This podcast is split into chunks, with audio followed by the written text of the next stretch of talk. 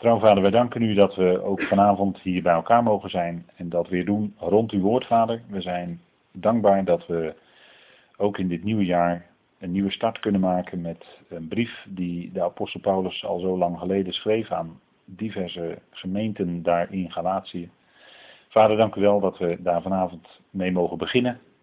Het is een bijzondere brief, Vader, en ook vaak wat onderbelicht, wordt niet zo vaak besproken omdat het ook een uh, lastig onderwerp met zich meedraagt.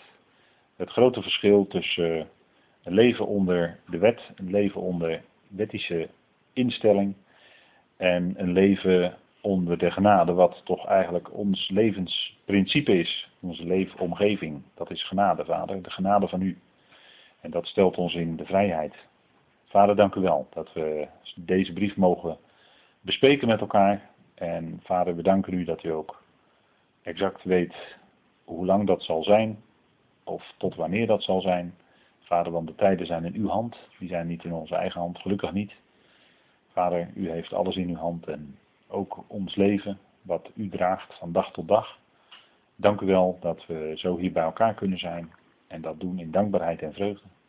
Vader, dank u wel voor uw liefde, dat u ons omringt. En dank u wel dat u ons wilt leiden in het spreken, in het luisteren, Geef daarin wijsheid door uw Heilige Geest. En dat het mag zijn tot lof en eer en verheerlijking van uw naam. Vader, zo dank u daarvoor in de machtige naam van uw geliefde Zoon, onze Heer Jezus Christus. Amen. Goed, wij eh, gaan met elkaar beginnen aan de Galatenbrief en dat doen we door het lezen van die eerste versen van de Galaten. En ik wil dat vanavond dan even laten bij die versen 1 tot en met 5 waar al uh, toch veel uh, in staat en die we niet eens vanavond kunnen behandelen allemaal, misschien een volgende keer. Maar uh, ook dan zullen we wel ontdekken dat daar toch veel in zit. We lezen met elkaar en ik lees u uit de herziende statenvertaling. En er staat Paulus, een apostel, niet vanwege mensen, ook niet door een mens, maar door Jezus Christus en God de Vader, die hem uit de doden opgewekt heeft en al de broeders die bij me zijn aan de gemeenten van Galatië. Genade zijn jullie en vrede van God de Vader en van onze Heer Jezus Christus, die zichzelf gegeven heeft voor onze zonden, opdat Hij ons zou ontrukken aan de tegenwoordige slechte wereld, overeenkomstig de wil van onze God en Vader. Hem zij de heerlijkheid tot in de eonen van de eonen. Amen. En in dat vierde vers wat we net gelezen hebben, er staat de tegenwoordige slechte wereld, moet ik toch even corrigeren gelijk. Er staat namelijk dat hij ons zou trekken of opheffen uit de tegenwoordige boze aion. Er staat niet wereld, maar er staat aion. En dat is toch wel een andere invalshoek, een ander gezichtspunt. Dus dat bij deze even gelijk aangegeven. Goed, de brief aan de Galaten. We hebben het al gelezen. Paulus schrijft in vers 2 dat hij schrijft aan de gemeenten van Galatië. Dus hij schreef aan diverse gemeenten die door zijn bediening uh, gesticht waren, ontstaan waren. En dat was uh, nodig, omdat al vrij snel allerlei dingen daar naar voren kwamen. En alle reden was om deze brief te schrijven. Dus de inleiding en Paulus die schrijft zoals het hele Nieuwe Testament is geschreven. U ziet dat op de eerste dia ziet u een blad zoals het Nieuwe Testament destijds echt geschreven is. Dit is een uh, blad uit de Codex Sinaiticus. En dan ziet u dat de Griekse tekst in hoofdletters geschreven is. En aan elkaar zonder leestekens en in vier kolommen naast elkaar. Dat is oorspronkelijke, meest oude, complete handschrift wat wij hebben de Codex Sinaiticus. En daar is dit een uh, bladzij uit. Is, ik uh, denk niet dat dit een bladzij is uit de gelaten brief zelf overigens. Maar u heeft dan even een goede indruk van hoe dat eruit zag in die tijd. Dus dat is denk ik goed om te beseffen. God heeft het behaagd om de Griekse taal te gebruiken. Om wat wij dan altijd noemen het Nieuwe Testament in te laten opschrijven. En dat was ook de omgangstaal in die toenmalige wereld als gevolg van de veroveringen door Alexander de Grote. En ik denk dat uh, u wel weet inmiddels uh, ja, hoe dat moet situeren in de geschiedenis. Hè. Die veroveringen, de snelle verovering En dat bracht ook een verbreiding met zich mee van de Griekse cultuur en dus ook van de taal. Dat ik ook andersom zeggen van de Griekse taal en dus ook van de cultuur, de Griekse cultuur. Goed, dat gezegd hebbend, in het Grieks geschreven. En dat heeft God natuurlijk niet voor niets laten doen. Omdat uh, dat toch een bijzondere taal is met bijzondere eigenschappen. Waarin je werkwoordsvormen onder andere heel exact kunt uitdrukken. En hele bijzondere dingen mee kunt zeggen. Uh, dus uh, houdt u het er maar echt op dat, en zo is het ook echt geschiedkundig hoor. Dat ligt echt wel vast. Dat het Nieuwe Testament origineel, oorspronkelijk in het Grieks is geschreven. En alle pogingen tegenwoordig om het terug te vertalen naar het Hebreeuws of te kijken naar het Hebreeuws wat erachter zit. Dat kan soms nuttig zijn, maar houd het erop dat het in Grieks is geschreven en dat is niet voor niks. En daar zullen we dan ook bij blijven. Dat is uh, echt zo. En dat heeft niets, maar dan ook niets met Grieks denken te maken wat ik nu zeg. Helemaal niets. We moeten gewoon de feiten aanvaarden zoals ze zijn. Het Nieuwe Testament is geschreven in het Grieks en dus deze brief aan de Galaten ook. En daar houden we het gewoon op, want God heeft het baag dat zo te doen. Klaar. En dan moeten wij vervolgens gaan bestuderen. Die taal misschien is misschien lastig, is misschien moeilijk en heeft misschien andere eigenschappen dan het Hebreeuws. Het zij zo, maar God heeft het baag om het zo te doen en dan moeten wij afvragen waarom dat dan zo is. En onze winst er ook mee doen. Ik denk dat dat eh, een belangrijk punt is. Goed, de Galaten. Nou, waar leefden die Galaten? Dat, uh, dit is een van de kaartjes die u uh, uit de talloze kaartjes kunt plukken op uh, het bekende grote web. En uh, Galatië lag daar zo in het hart. Misschien iets zuidelijker, misschien iets noordelijker, maar goed. Daar, uh, daar kun je over debatteren, maar dat dateert daarvan wat langer dat die provincie of dat die Galaten daar woonden. En de Romeinen noemden die provincie ook Galatië of Galatia. Uh, dat ligt zo dus in het uh, wat we nu kennen als het uh, Aziatische Turkije. En ligt dan in het hart van, die, van dat grote stuk land daar boven de Middellandse Zee. En daar is Paulus geweest. Daar heeft hij het evangelie gepredikt. Wat hij samen met Barnabas op zijn eerste reis predikte. Daar gaan we vanavond ook nog wel wat dieper op in. Maar die Galaten die werden dus door Paulus aangesproken. En als ik dat zo zeg, dan denk ik bijvoorbeeld aan hoofdstuk 3, waar de apostel schrijft, O jullie uitzinnige Galaten. jullie zijn helemaal buiten zinnen geraakt, als het ware. Dat, uh, hij gebruikt een vrij sterke uitdrukking. Want uh, ze, ze, gingen zich gedragen op een totaal andere manier als de bedoeling was. Dus de Galaten die uh, leefden daar zo in die provincie.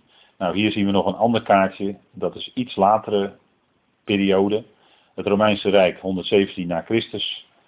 En uh, daar zien we dan zo in dat uh, Aziatische Turkije, ziet u uh, links, dat bruine is de provincie Azië. Het is van afstandje wat moeilijk te lezen misschien op deze dia. En daarnaast ligt daar direct tegenaan Galatia. En dat was dan een Romeinse provincie.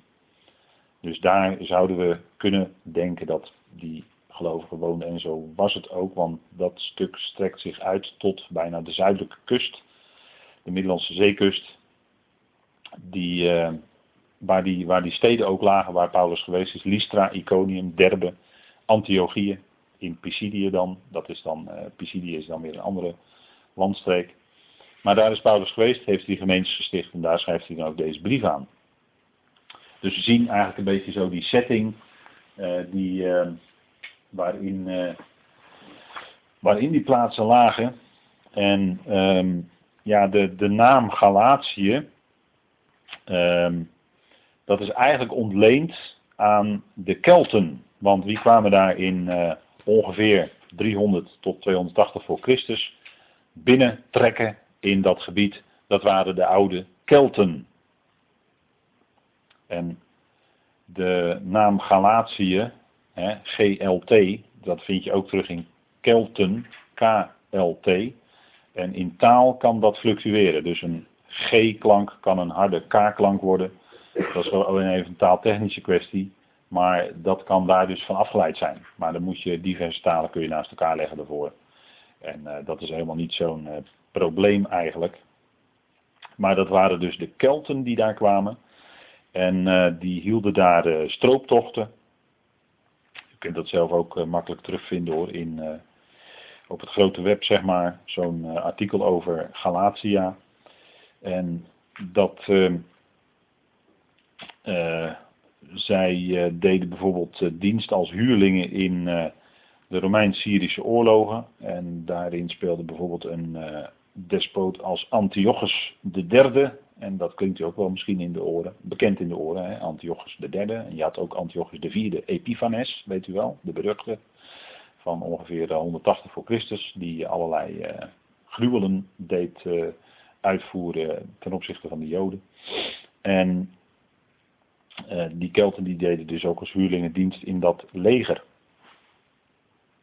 En dan heeft u een beetje een idee hoe dat, hoe dat daar uh, in het verleden toeging en wie die Galaten dan eigenlijk zijn. dat zijn uh, onder andere dus Kelten die daar zijn komen wonen. En daar zijn natuurlijk nog allerlei andere theorieën over, maar goed, dat uh, voert even te ver. In ieder geval noem ik even die ene heerser Antiochus, waarvan je er dus wel vier had. Want Paulus die startte zijn uh, reis met Barnabas in Antiochië in Syrië. Nou, Antiochië is dus de vernoeming naar die Antiochus. En je had ook een Antiochië in Pisidië.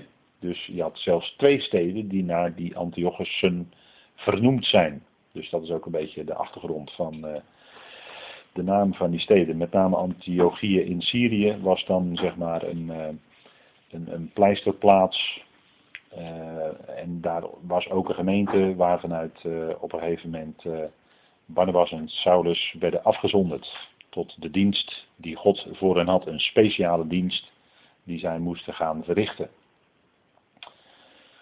Dus dat een klein beetje over de achtergrond. Nou, aan wie werd geschreven? Als u de diverse commentaren op de gelaten brief na zou slaan, dan zult u een overzicht vinden, als het goed is, in de inleiding van zo'n commentaar over de verschillende theorieën die er zijn. Want uh, er is een uh, zogenaamde Noord-Galatische theorie. Dat wil zeggen dat deze brief gestuurd zou zijn aan Galaten die in het noorden woonden, het noorden van Aziatisch Turkije. Die theorie heeft opgeld gedaan, zeg maar, binnen de uitleggers tot uh, wat er staat, het einde van de 19e eeuw. En pas in, vanaf het einde van de 19e eeuw is men dus meer de Zuid-Galatische theorie gaan aanhangen. En dat uh, heeft waarschijnlijk toch wat meer bijbelse grond, want uh, die steden waar Paulus gepredikt heeft, die liggen ook in het zuiden van Klein-Azië, van het huidige Aziatisch Turkije. Dus uh, algemeen wordt ook vanaf dat moment eigenlijk door uitleggers wel aanvaard dat deze brief geschreven is aan Galaten die in het zuiden van die landtong van het grote Aziatisch-Turkse gebied huidige Aziatisch-Turkse gebied woonden. Dus uh, dat, dat even als uitleg bij deze dia, waarin dus die twee theorieën even genoemd worden. En um, dat is denk ik uh, even goed om te weten. En het is verder ook niet zo uh, schokkend allemaal. Maar kijk, als je in de Bijbel toch duidelijk ziet dat die gemeenten in het zuiden lagen, dan lijkt het toch meer voor de hand te liggen dat Paulus dan dus aan die zuidelijke gelovigen aan die zuidelijke streken heeft geschreven. Dat was de directe aanleiding tot het schrijven van deze brief. Maar deze brief is natuurlijk bewaard gebleven omdat hij in feite tijdloos is voor de gelovigen die behoren bij het lichaam van Christus.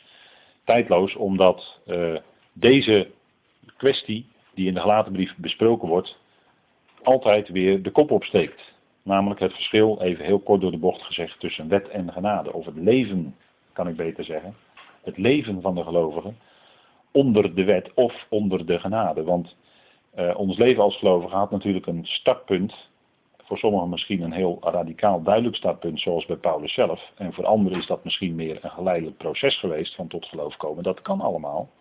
Dat is ook allemaal niet zo. Maar als je dan heel bewust gelovig bent en je weet je lid van het lichaam van Christus, kan je afvragen, ja nu ben ik gelovig en wat nu?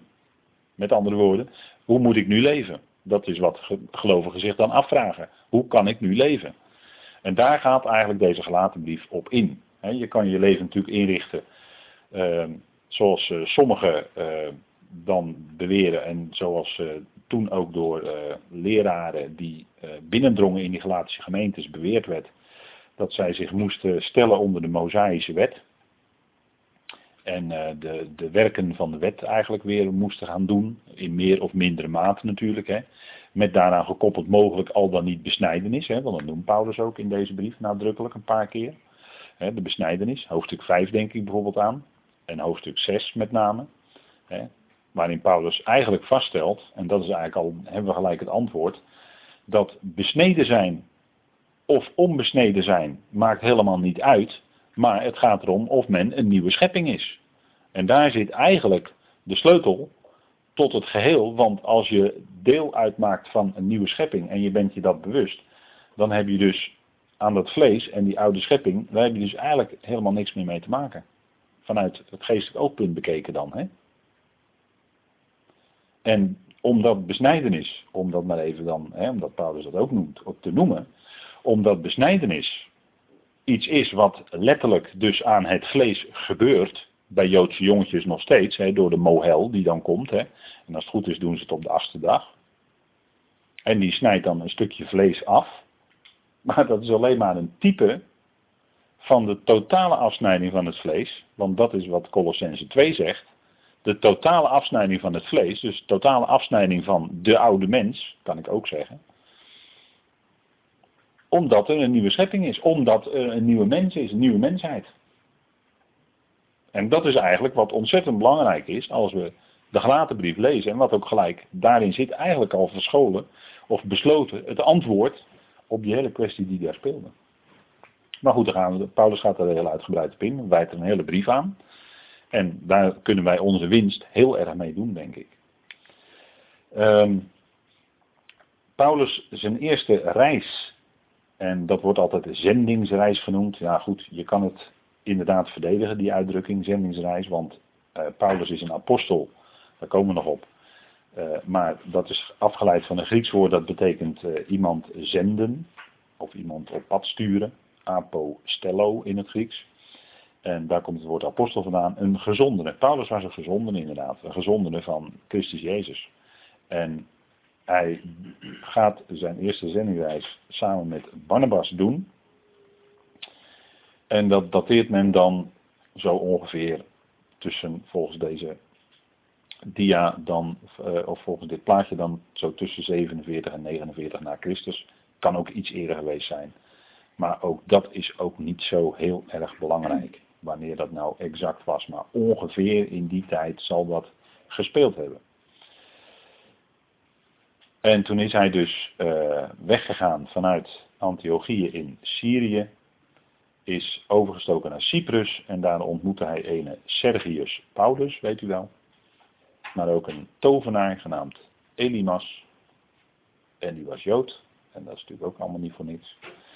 Maar hij gaat dan naar het vasteland en dan gaat hij naar Antiochië in Pisidië, naar Perge, naar Iconium, Lystra en Derbe. En dan gaat hij, die steden bezoekt hij in feite twee keer, want hij gaat op dezelfde route weer terug. En dan keert hij daarna ook weer terug in Antiochië in Syrië. En dan zitten we inmiddels al in het einde van handelingen 14. Maar dan maak ik de sprong wel erg snel. En we gaan vanavond nog, toch nog wat langzamer doen. Goed, dan Galater 1 vers 1. Want daar staat al heel veel in. Het is altijd het beste om met de tekst zelf bezig te zijn, vind ik. Want daar vind je gewoon de dingen die je afvraagt. Als je nou afvraagt, wie schreef deze brief eigenlijk? Nou, dan het eerste woord geeft al het antwoord, Paulus ben je gelijk klaar. In inleidende boeken, daar uh, uh, gaat men dan uh, nog wel eens wat over, ja, over discussiëren of zo. Maar als je gewoon de brief zelf leest, dan is het eerste woord wat er staat Paulus. Wie heeft hem dan geschreven? Paulus. En Paulus, dat is natuurlijk de naam die hij ontving nadat hij afgezonderd werd. Dat is ook niet zonder betekenis. In Handelingen 13 werd hij afgezonderd. En daarna zegt Lucas dan dat Saulus ook Paulus genoemd wordt. En in het vervolg schrijft Lucas alleen Paulus. Dus die Hebreeuwse naam, dat is niet zonder betekenis hoor, dat is van belang. De Hebreeuwse naam Shaul wordt dan gewijzigd in de Griekse naam Paulus. Dat is belangrijk. Dat is een belangrijk punt, want het heeft ook met deze hele brief te maken. Paulus, een apostel, en dat woord Paulus, dan heeft men wel eens afgeleid vanuit het Latijn, en dan zou het betekenen kleine. Maar het heeft waarschijnlijk te maken met het Griekse woord, werkwoord pauo, en dat kennen wij van ons woord pauze. Dus een onderbreking. Een pauze is een onderbreking. Als je de hele dag aan het werk bent, dan is het goed om bijvoorbeeld na vier of vier en een half, na vijf uur even een half uur pauze te nemen. Dan ga je buiten een rondje lopen als je een kantoormens bent. En dan uh, na die pauze kom je weer binnen, ben je even opgefrist en dan kun je weer verder je werk doen. Nou, dat is een onderbreking van je werk, een werkonderbreking. En uh, dat is zelfs wettelijk voorgeschreven in Nederland, in de Arbo-wetgeving, dat je dat moet doen. Dus, uh, maar het is gewoon een hele gezonde zaak, het is een hele goede zaak, even een onderbreking. En de naam Paulus is dus daarvan afgeleid en dat is ook natuurlijk weer niet zonder betekenis, want waar hebben we het dan over? Een onderbreking in de Hebreeuwse geschiedenis, vandaar Hebreeuws naar Grieks, een onderbreking in de Hebreeuwse geschiedenis, Gods handelen met zijn volk, Israël, wordt onderbroken en in die onderbreking, die we ook wel noemen de periode van de verborgenheid, of het beheer van het geheimenis, Efeze 3, in die periode, in die onderbreking dus, die Paulo, Paulus, wordt de gemeente het lichaam van Christus geroepen, waardoor door de bediening van Paulus. En ik wil wel even heel scherp zijn nu en niet door de bediening van Petrus. Want Paulus spreekt alleen over het lichaam van Christus. En Petrus niet. nu zet ik de zaak even expres scherp, maar dat doet Paulus zelf ook hoor in deze brief. want uh, ja, meestal zeggen we ja, je moet niet fel zijn en je moet niet zo fanatiek zijn. En dan denk erom dat Paulus fel is in deze brief hoor. Oeh, die is fel hoor. En dan kun je zeggen, ja, dat is zijn karakter een beetje onstuimig, maar de brief is gewoon fel. En hij werd door de geest geleid. Dus het is een heel belangrijk onderwerp dit wat in deze brief aan de orde is. Het gaat hier echt op het scherp van de snede. Zwaard is tweesnijdend scherp, hè, dat woord van God. Het snijdt aan twee kanten. Het scheidt namelijk van één ziel en geest. Heeft ook alles met deze brief te maken hoor. Het scheidt van één ziel en geest. Het heeft alles te maken met onze wandel. Wandel je naar de ziel of ziels of wandel je geestelijk naar de geest? Daar heeft het ook mee te maken. Nou steek ik gelijk een paar laagjes dieper. Want het is voor onze praktijk. deze brief gaat gewoon over onze levenspraktijk als gelovigen. Vergist u zich niet hoor. En daarom is het, uh, wat Paulus doet, is, uh, wat Paulus schrijft, is scherp. En hij begint met te stellen ook dat hij apostel is. Dus hier brengt hij direct zijn gezag in als apostel, als een gezondene van de Heer. En hij noemt zichzelf dus hier apostel, dat is natuurlijk door de geest geleid. En niet slaaf zoals in de Romeinenbrief. Want de Romeinenbrief begint hij met dat hij een slaaf is. Maar hier begint hij dat hij een apostel is. Dat is dat, ook dat is van belang. Hè? Die dingen zouden we ook met elkaar, dat is schrift met schrift vergelijken. Hoe begint Paulus' brieven? Let daarop, want daar zit gelijk al een enorme aanwijzing waar het allemaal om draait. Nou, Paulus stelt zich hier als apostel. Dus een gezondene. dat, dat is een, en er waren natuurlijk in die tijd veel apostelen, natuurlijk. Maar uh, hij is de unieke apostel. Hij zegt van zichzelf, ik ben een ontijdig geborene. In 1 Corinthië 15, als hij ook daar over zijn apostelschap spreekt. Ik ben een ontijdig geborene, dus eigenlijk een te laat in zekere zin te laat geboren. Dat is natuurlijk beeldspraak. die twaalfen, die waren al geroepen, dat waren ook apostelen. dat was een bijzondere groep, waren ook gezondenen van eh, de Heer. Maar hij is uniek gezondene met een unieke boodschap. Die zich onderscheidt van de twaalf. En ook dat komt in de Galatenbrief naar voren. Het is niet alleen dat hij naar een andere groep gaat, of hij naar de heidenen gaat en dat de twaalf naar de joden gaan. Dat ook, maar dat niet alleen. Het zijn twee verschillende evangeliën. Het evangelie van de besnijdenis en het evangelie van de vooruit. Het zijn verschillende boodschappen die gebracht worden. En dat is, dat is ook een punt hè, wat speelt. Dus Paulus' apostelschap was bedoeld voor alle natieën. Zonder onderscheid eigenlijk. En dat van de twaalfen was specifiek voor de besnijdenis. Zo wordt het ook genoemd, de, het evangelie, daarom wordt ook genoemd evangelie van de besnijdenis en de apostelen van de besnijdenis. Dus Paulus is een apostel, een gezondene. en er wordt ook duidelijk in dit vers door wie. daar is echt geen enkel misverstand over als je dit vers leest. Dan zegt hij, niet vanwege mensen. dus niet van mensen afgestuurd. er staat het woord vanaf in, de, in het Grieks hier. Niet vanaf mensen. Dus hij, wordt, hij werd niet door mensen gestuurd als apostel bij mensen kun je dan denken aan, uh, kun je afvragen, door wie werd hij gezonden? Werd hij soms gezonden door de twaalf? Nou nee, dat niet. Want hij zegt niet vanwege mensen, heel nadrukkelijk. Dus niet door de twaalf. Of door welke andere groep dan je ook maar zou kunnen voorstellen. dus ook niet door het Sanhedrin, kan ik er ook nog wel even bijvoegen. Want daar was hij juist op weg naar Damascus doorgestuurd door het Sanhedrin. Maar daar, daar, toen kwam de radicale ommekeer. En daarna werd hij niet meer door het Sanhedrin gestuurd. Maar werd hij door de Heer zelf. Hè? Dat wordt duidelijk in dit vers. Niet vanwege mensen. Dus als we ons afvragen door wie werd hij nou gezonden. Nou, niet door mensen, dus niet door de twaalf. Ook niet door het Sanhedrin. En dan zegt hij nog door een mens. Hè, om het nog eens even verder te accentueren. Dus hij werd niet gestuurd door een Petrus. Zou je ook nog kunnen voorstellen, de leider van de twaalf. Of door Jacobus, die via de vleeselijke lijn ook een vooraanstaande positie kreeg. In de boekhandelingen lees je dat terug. Of dat terecht was, is natuurlijk maar de vraag, want het is een vleeselijke lijn. Hè? Jacobus de broer van de Heer. Dus ook niet door Jacobus.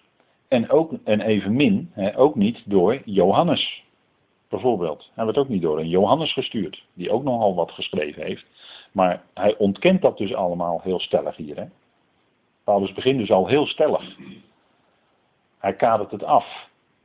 Hij zegt, ik ben een apostel, niet vanwege mensen, dus ik ben niet van mensen afgestuurd, nog door een mens, dan gebruikt hij weer een ander voorzetsel, hè, nog door een mens, dus niet door een van de leiders van de besnijdenis van toen.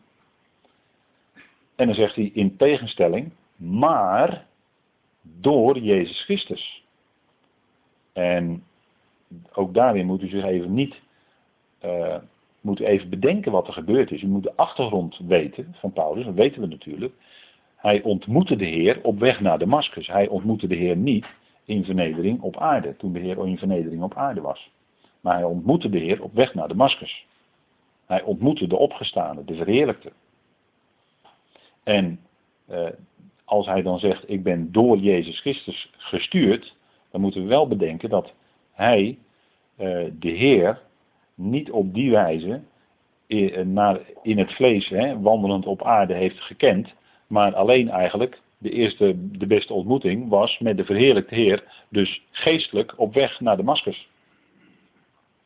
Zo ontmoet hij hem. Dus hij wordt door die Heer gestuurd, door de opgestane, want dat staat hier ook. Hè? door Jezus Christus en God de Vader, die hem opwekt uit de doden. En dan zegt u, wat is dat vreemd?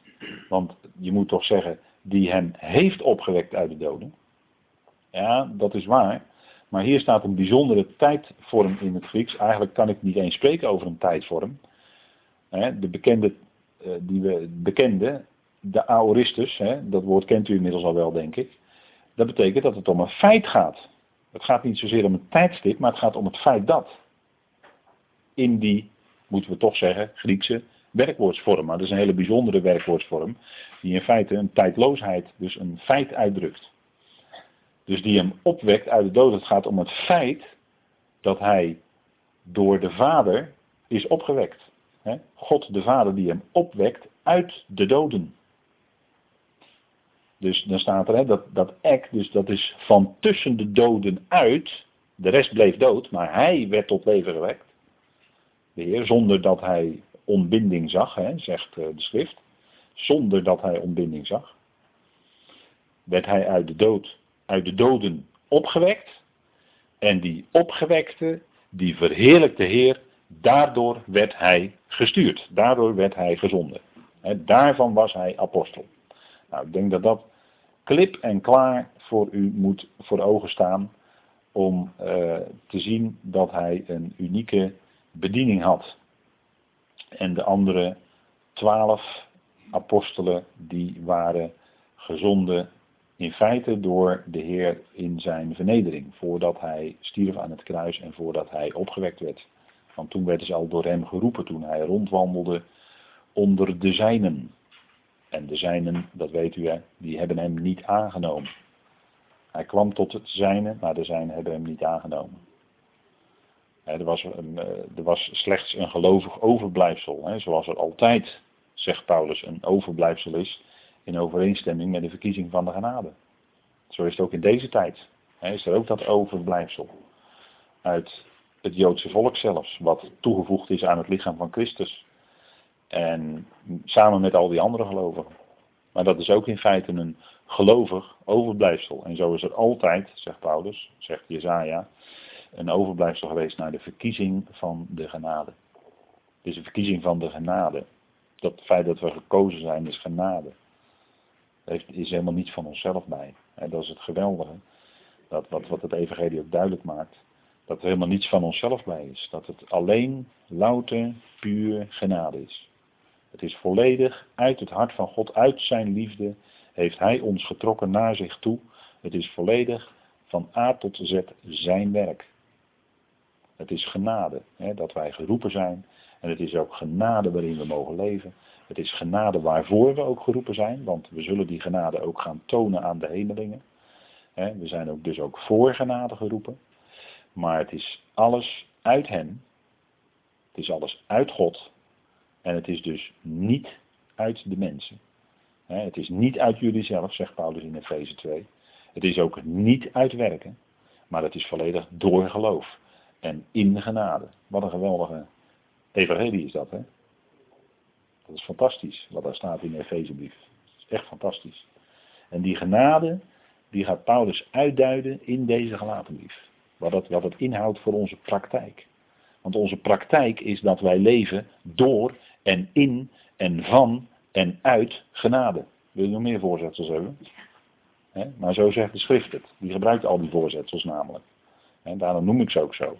Het is volledig in zijn genade. Het is volledig, altijd zijn we volledig opgenomen in zijn liefde.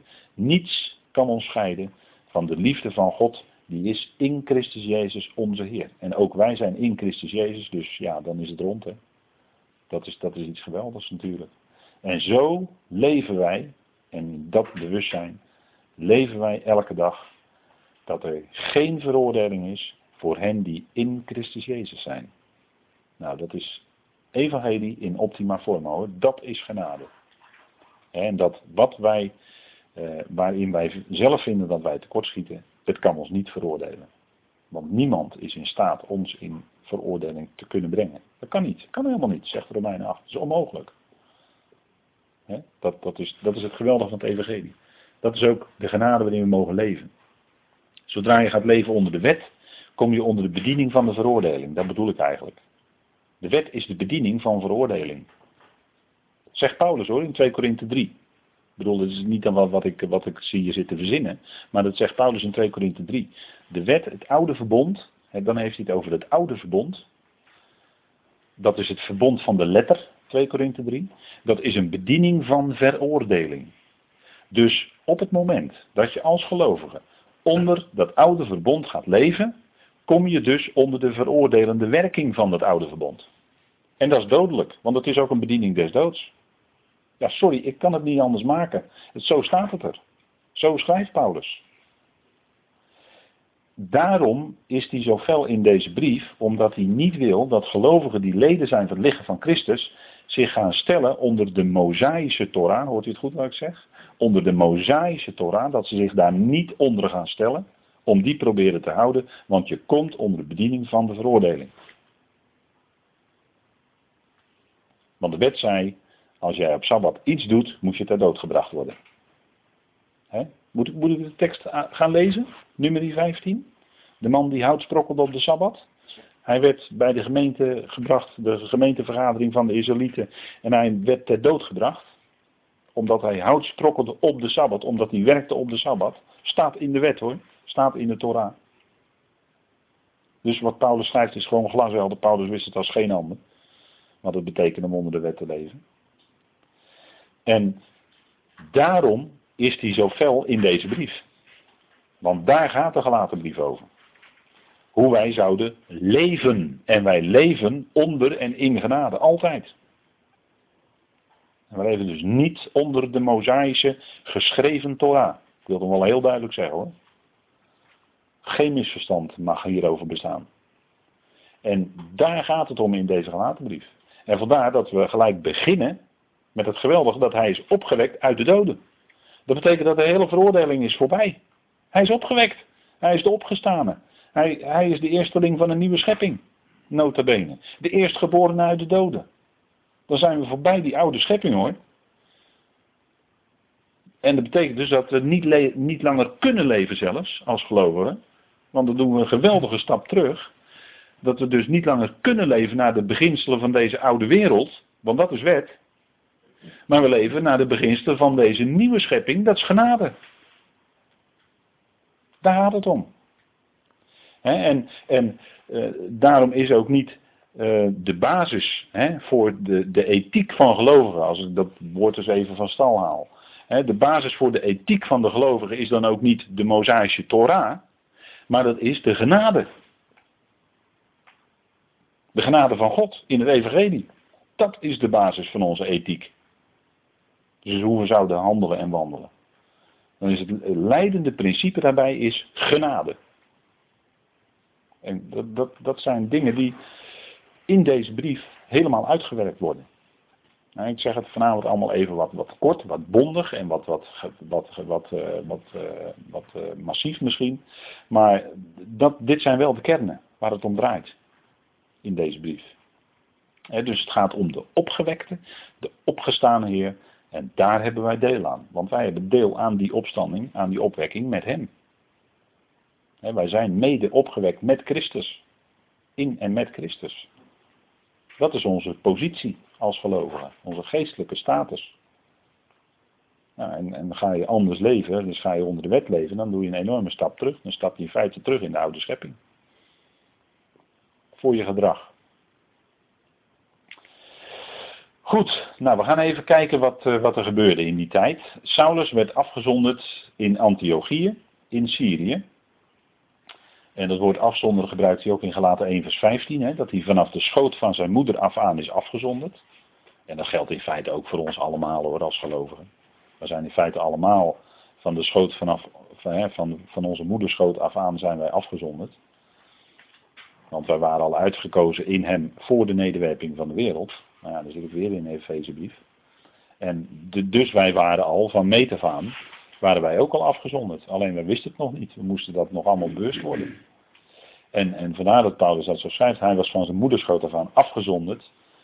En eh, dan kun je natuurlijk afvragen, ja, maar waarom heeft God hem dan niet direct geroepen en direct uh, grootgebracht, zoals een Timotheus, uh, bij wijze van spreken, of als, uh, zoals ik, zoals onze kinderen misschien opgegroeid zijn, gelijk bij, dat, gelijk bij de goede boodschap.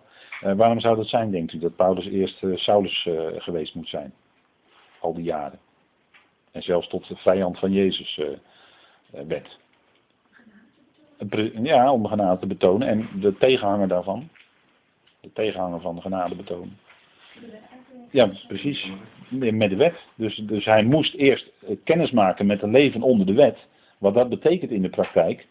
Om dus daarna die genade te leren kennen. En dat grote verschil duidelijk te kunnen maken. Want hij wist het als geen ander natuurlijk wat het betekent om onder de wet te leven. En wat het, wat het echt hè, van binnen en van buiten dan voor een mens betekent. Vooral van binnen. Wat het betekent voor de mens. Hè, hoe, hoe je daarvan in de knoop kan raken. En Paulus eh, geraakte gelukkig uit die knoop, omdat de Heer hem genade betoonde. En hem riep op weg naar Damascus. En toen kwam de grote ommekeer. En toen leerde Paulus dus het leven onder de genade en de genade kennen. Wat werkelijk genade is, leerde die kennen. Hij kende het grote verschil. Daarom heeft hij al die jaren eerst onder de wet moeten leven. En daarna is hij geroepen in genade en is hij. Uh, en, en dat is denk ik ook een antwoord. Als u zich afvraagt: van ja, mijn leven is, uh, is uh, op een bepaalde manier verlopen. En heeft zo zijn moeilijke momenten gekend. En dan kunt u zich afvragen: waarom is dat? ik denk dat we daar later antwoord op krijgen. Misschien heeft u nu dat antwoord nog niet voor uzelf, dat zou kunnen. Maar ongetwijfeld krijgt u daar later antwoord op. Als we bij de Heer zijn. Als je allerlei dingen nog afvraagt. Waarvan u zegt van nou, waartoe is dit nou geweest of waartoe is dat nou geweest. Nou, er komt een tijd dat we bij de Heer zijn, dan zal het duidelijk worden. Daar ben ik zo diep van overtuigd dat dat duidelijk gaat worden. dat, eh, en, en dat zal voor ieder van ons zo zijn. Dus eh, ook in het leven van Saulus, nou dat kunnen wij dan eh, nalopen omdat we er achteraf op terugkijken. En hij werd dus afgezonderd in Antiochië in Syrië. Dat is de plaats die genoemd wordt in Handelingen 11, vers 20. Dat is waar de gelovigen voor het eerst christenen werden genoemd. En christenen was eigenlijk een soort scheldwoord in die tijd. Hè. Christianoi of zo werden ze dan genoemd. Nou, dat was een scheldwoord omdat ze, de mensen keken spottend op hen neer. Ja, dat zijn degenen die van, eh, van die Jezus Christus, eh, die bij Jezus, dat zijn die, die slappelingen. zo werd er dan een beetje smalend en eh, minachtend tegen aangekeken. ze werden dan met een soort scheldnaam werden ze christenen genoemd. Nou, dat gebeurde daar voor het eerst in Antiochië in Syrië. Want uh, over het algemeen de bewoners van die stad, ja, dat was dan niet allemaal zo gezellig volk wat daar huisde. In die tijd, dat was allemaal een beetje rauw volk en zo. Dus uh, vandaar dat, uh, ja, die waren nogal grof. En als je dan tot geloof kwam, ja, dan veranderde, dan veranderde hun leven daardoor. En dan werden ze misschien wel de fijnen genoemd, of hè, die, met die term dan van die tijden christenen. En het bijzondere is dat dus uh, daar wel een gemeente ontstond. En uh, op een gegeven moment kwam Saulus dus ook in die gemeente samen met Barnabas, die hem uh, ook wel begeleiden. En ehm, daar zijn ze dan, en dan gebeurt er iets bijzonders, en dat wil ik dan even met u lezen in Handelingen 13. Ik heb het al eigenlijk genoemd vanavond. Maar dan kunt u toch even lezen voor uzelf. Dan ziet u het staan. Dat is altijd sterker, veel sterker dan wat ik het zo zeg.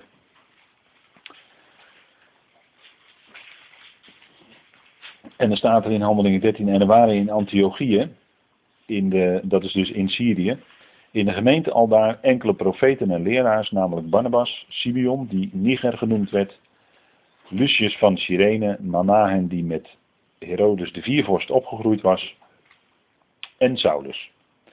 En terwijl ze de Heer dienden en vasten, zeide de Heilige Geest, zonder voor mij zowel Barnabas als Saulus af voor het werk waartoe ik hen geroepen heb. Toen vasten en baden zij. En nadat zij de, hun, hun, de handen opgelegd hadden, lieten zij hen gaan. Nou, dat was in die tijd uh, kennelijk een uh, gewoonte. Dat er dan uh, bij het gebed ook gevast werd. Maar trekt u daar geen verkeerde conclusies uit. Alsof dat iets zou zijn wat wij zouden moeten doen, vasten. Want dat is absoluut niet het geval. Wordt nergens in de Bijbel ook zo gezegd. Ik lees dat nergens bij Paulus. Dus dat is al denk ik voldoende als je al zijn brieven leest, spreekt hij nergens over dat wij zouden vasten als gelovigen. Dus ja, dan, dan is het ook niet aan de orde, denk ik. Maar goed, zo ging dat dan daar toen. En uh, let op dat er staat, toen zei de Heilige Geest. Toen zei de Heilige Geest. Dus hoe dat technisch in zijn werk is gegaan, dat weet ik niet. Maar op een of andere manier werd dat aan die gemeente duidelijk gemaakt door de Heilige Geest dat Barnabas en Saulus afgezonderd moesten worden. En daar staat dus een bijzonder woord, afzonderen. Dat is het, uh, dat is het Griekse woord aforizo. Uh, dat betekent letterlijk vanaf horizon. Afzonderen, en dat is ook het woord wat Paulus gebruikt in Romeinen 1, vers 1, waarin hij zegt dat hij afgezonderd is voor het evangelie van God. Dat is hetzelfde woord. Dus dat is een belangrijk woord, want we, zien dus in handelingen dat hier dus heel bewust door de Heilige Geest, dus dat is Gods werk, duidelijk Gods werk. Dus het gebeurt niet door mensen hier. Vandaar 1 vers 1, hè. hij is niet vanwege mensen en niet door een mens. Maar hier staat ook heel duidelijk dat ze door de Heilige Geest afgezonderd werden. Dus dat is een werk van God zelf. En dan zien we in het vervolg van handelingen dat Saulus, Paulus steeds verder wordt afgezonderd. hij wordt steeds meer verworpen door de Joden en hij wordt daardoor automatisch eigenlijk steeds meer afgezonderd voor die specifieke, unieke bediening die hem was toevertrouwd. En uh, dat, dat hele proces hier dus in het boek Handelingen gebeuren, dat is op zich een heel boeiend hoor. Uh, bespreken van het boek Handelingen zou op zich wat dat betreft heel boeiend zijn, maar dat is uh, vergt veel te veel tijd. Maar in ieder geval zegt de Heilige Geest in vers 2 het werk waartoe ik hen geroepen heb. Nou, de Heilige Geest is natuurlijk de geest van Christus, is de geest die van God uitgaat. En uh, dat is natuurlijk heel duidelijk dat het een werk is waarvoor God Barnabas en Saulus afzonderde. Dus dat is een heel specifiek werk. Ze werden dus eh, echt vanuit die, eh, ja, toch wel waarschijnlijk Joden-Christengemeente werden ze afgezonderd. En ook dat is tekenend natuurlijk voor een specifieke, unieke bediening. En uh, we zien dus daar op dat kaartje, daar uh, rechtsbovenaan, het Syrische Antiochieën. Dus dat in het noorden daar helemaal. Dus niet zo ver van zijn geboorteplaats Tarsus af. Daar was dat Syrische Antiochieën en van daaruit staken ze dan per boot over naar Cyprus. En dan gaat uh, Barnabas met Saulus op reis. En dan komen ze in Antiochieën in Pisidië. En dat ligt dus in, uh, in, in dat gebied van de Galaten, zeg maar. Pisidië, dat is dan uh, iets vanaf de kust naar boven toe van Klein-Azië. En dan komt hij daar in dat Antiochieën wat daar ligt. En daar predikt Paulus, en dat is in het boek Handelingen een, een, een aanwijzing dat hij dus een specifieke boodschap ging brengen. Daar predikt hij namelijk rechtvaardiging door geloof. En uh, dat was op zichzelf is die terminologie niet nieuw, want uh, dat is ook wat in uh, Genesis allemaal voorkomt bij Abraham. Dat Abraham geloofde God en het werd hem tot gerechtigheid gerekend. Genesis 15 hè, staat dat. Dus die combinatie geloof en gerechtigheid van God is niet onbekend. Maar uh, de apostel Paulus maakt toch wel iets duidelijk. En ik denk dat het goed is om even met elkaar handelingen 13 op te zoeken. En we gaan dat met elkaar na de pauze even lezen. Dus we hebben nu even een onderbreking. En dan gaan we na die onderbreking weer verder met handelingen 13.